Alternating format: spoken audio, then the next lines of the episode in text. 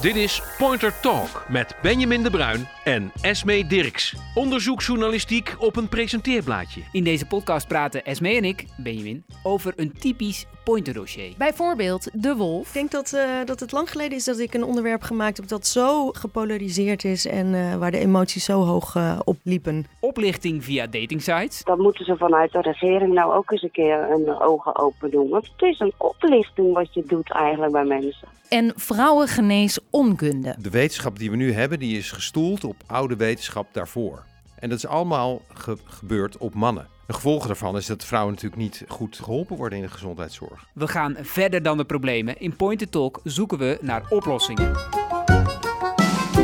Kansrijk of kansarm? Maar dat is geniaal.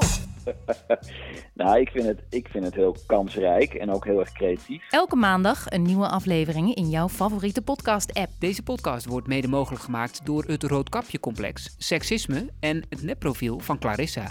Nadien toch? Ja, die ook. Oh. Een podcast van KRO en CRV.